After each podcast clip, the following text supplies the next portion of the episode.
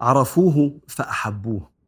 الصحابة عرفوا سيدنا النبي عليه الصلاة والسلام فلما عرفوه تعلقوا بيه جدا فاستمتعوا باتباعه والاقتداء بسنته. ودي سكتنا مع النبي زي سكة الصحابة. كل ما تعرف صفات النبي أكتر عليه الصلاة والسلام كل ما تحبه وتتعلق بيه. فلما تعرف إنه بيأمرك بحاجة أو ينهاك عن حاجة تعرف إن ده من حبه لينا. فتتبعه وأنت نفسك طيبة.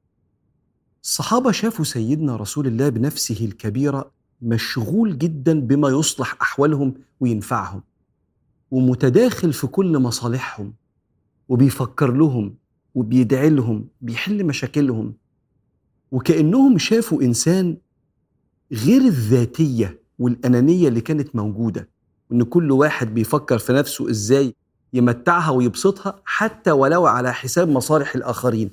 الناحية التانية خالص بقى. حد ليل نهار هم اللي بين عينيه. طبعا بعد ربه سبحانه وتعالى. سيدة عائشة مرة شافت سيدنا النبي عليه الصلاة والسلام طيب النفس فقالت يا رسول الله ادعو الله لي. فقال اللهم اغفر لعائشة ذنبها ما تقدم منه وما تأخر وما أسرت وما أعلنت. كل الذنوب اللي فات واللي جاي واللي عملته في السر واللي في العلانية فضحكت عائشة من جمال الدعوة حتى سقطت رأسها بين حجريها من كتر الضحك. فقال أتعجبين من دعائي؟ قالت وما لي لا أسر وقد دعوت لي. قال إنها لدعوتي لأمتي في كل صلاة. مبروك. مبروك دعوة النبي في كل صلاة. يغفر لنا ربنا ما تقدم وما تأخر وما أسررنا وما أعلن. مبروك علينا انشغال النبي بينا لغاية يوم القيامة. وده يخليك ما تستغربش والصحابة شايفين سيدنا النبي وفي وفد جاي من الفقراء جدا. دخلوا المسجد عشان يبايعوا النبي ويسلموا. مش لابسين إلا لبس من تحت كده ما عندهمش قماش ما عندهمش لبس إلا بس يستر العورة كده. فسيدنا النبي لما شافهم صعبوا عليه جدا فدخل ثم خرج. دخل ثم خرج يبدو إنه دخل يسأل في أكل وفي فلوس في البيت ولا لأ أو ما لقاش. لأنه عادة كان بيصرف على الفقراء فكتير بيته ما يبقاش فيه إلا المية وشوية تمر. فخرج وهو باله مشغول كده.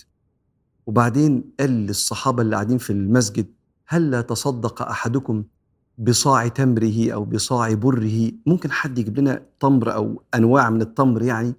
أي حد يجيب أي حاجة للناس الغلابة؟ فالناس قاعدة ساكتة كده يبدو إن في شيء من السكوت أو التردد. فغضب النبي صلى الله عليه وسلم. فقام قايم واحد من الأنصار اسمه مش متقال في الحديث. وقام جايب سرة فيها فضة كادت أن تسقط منه وفي رواية سرة فيها بلح كادت أن تسقط منه. فلما الصحابة شافوه كل واحد بدأ يتبادر اللي يجيب بلح واللي يجيب فلوس. فلما النبي شاف التسابق ده تهلل وجهه كأنه مذهبة كأن وشه بيلمع كده صلى الله عليه وسلم. الفرحة إن الغلابة دول الحمد لله يشبعوا. ثم قال صلى الله عليه وآله وسلم من سن في الإسلام سنة حسنة اللي هيبدأ لما يلاقي الناس مترددة فيبدأ هو فالناس تقلده. عارف لما يكون واحد صاحبنا بيتجوز فنمرر كده علينا الإيه الظرف فالناس تحط 20 50 واحد يوم حاطط 200 لأنه شايف إن الناس عندها قدرة إيه البخل ده؟ فيقوم الناس تبدأ غصب عنها إيه تستحي كده والقادر يقوم حاطط المبلغ اللي يقدر عليه. بدل ما يبقى المبلغ الوحدة بتاعته صغيرة 20 جنيه بقت 200 جنيه شايف فيه قدرة. فهو اللي بدأ. فياخد الأجر كله. من سن في الإسلام سنة حسنة فإن له أجرها وأجر من عمل بها إلى يوم القيامة. لما شافوه مشغول كده بما ينفع الناس ووقته وذهنه معاهم حبوه جدا. لأن ده مش هيسيبك صلى الله عليه وسلم لا هيسيبك في الدنيا ولا هيسيبك وأنت بتتحاسب في الآخرة. وده يطمنك على نفسك إنه معاك في الدنيا والآخرة. كان في صحابي اسمه جليبيب فقير ويعني إيه محدش يعني يتمنى إنه يناسبه. فسيدنا رسول الله راح لواحد من الصحابة قال له أنا عايز بطلب إيد بنتك. قال ونعم عين وكرامة. يا سلام إيه الجمال ده؟ قال ليس لي بل لجليبيب. قال له لجليبيب؟ طب أستشير أمها. راح لأم, لأم البنت آه قال لها النبي بيطلب إيد بنتنا. قالت ونعم عيني وكرامة. يا سلام إيه الجمال ده؟ قال لها مش للنبي لجليبيب. قالت لا. لا ننكحها جليبيب. لا بلاش بقى الموضوع ده. فالبنت سمعت. قالت لهم أتردون أمر رسول الله؟ أنا عايز أتجوز جليبيب لأن النبي عليه الصلاة والسلام هو اللي وصى كده والنبي يعرف مصلحتي وأحن عليا من نفسي ومن أبويا وأمي.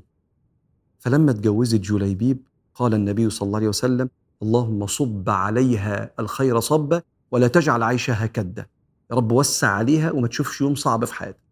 دخل جليبيب في حرب كان مقاتل باسل لقوه مرمي في الأرض وحواليه سبعة آه، من من المشركين. فسيدنا النبي قال قتلهم ثم قتلوه قتلهم ثم قتلوه هو مني وأنا منهم فلما استشهد جليبيب بعد جوازه بفترة قصيرة تسابق الصحابة على الزواج منها سبب دعوة النبي لأنها كانت طيبة وحنينة ورضيت بجليبيب اللهم صب عليها الخير صبا ولا تجعل عيشها كدا فلما شافوا النبي كده وعرفوه مشغول بما ينفع الناس تعلقوا بيه وأحبوه.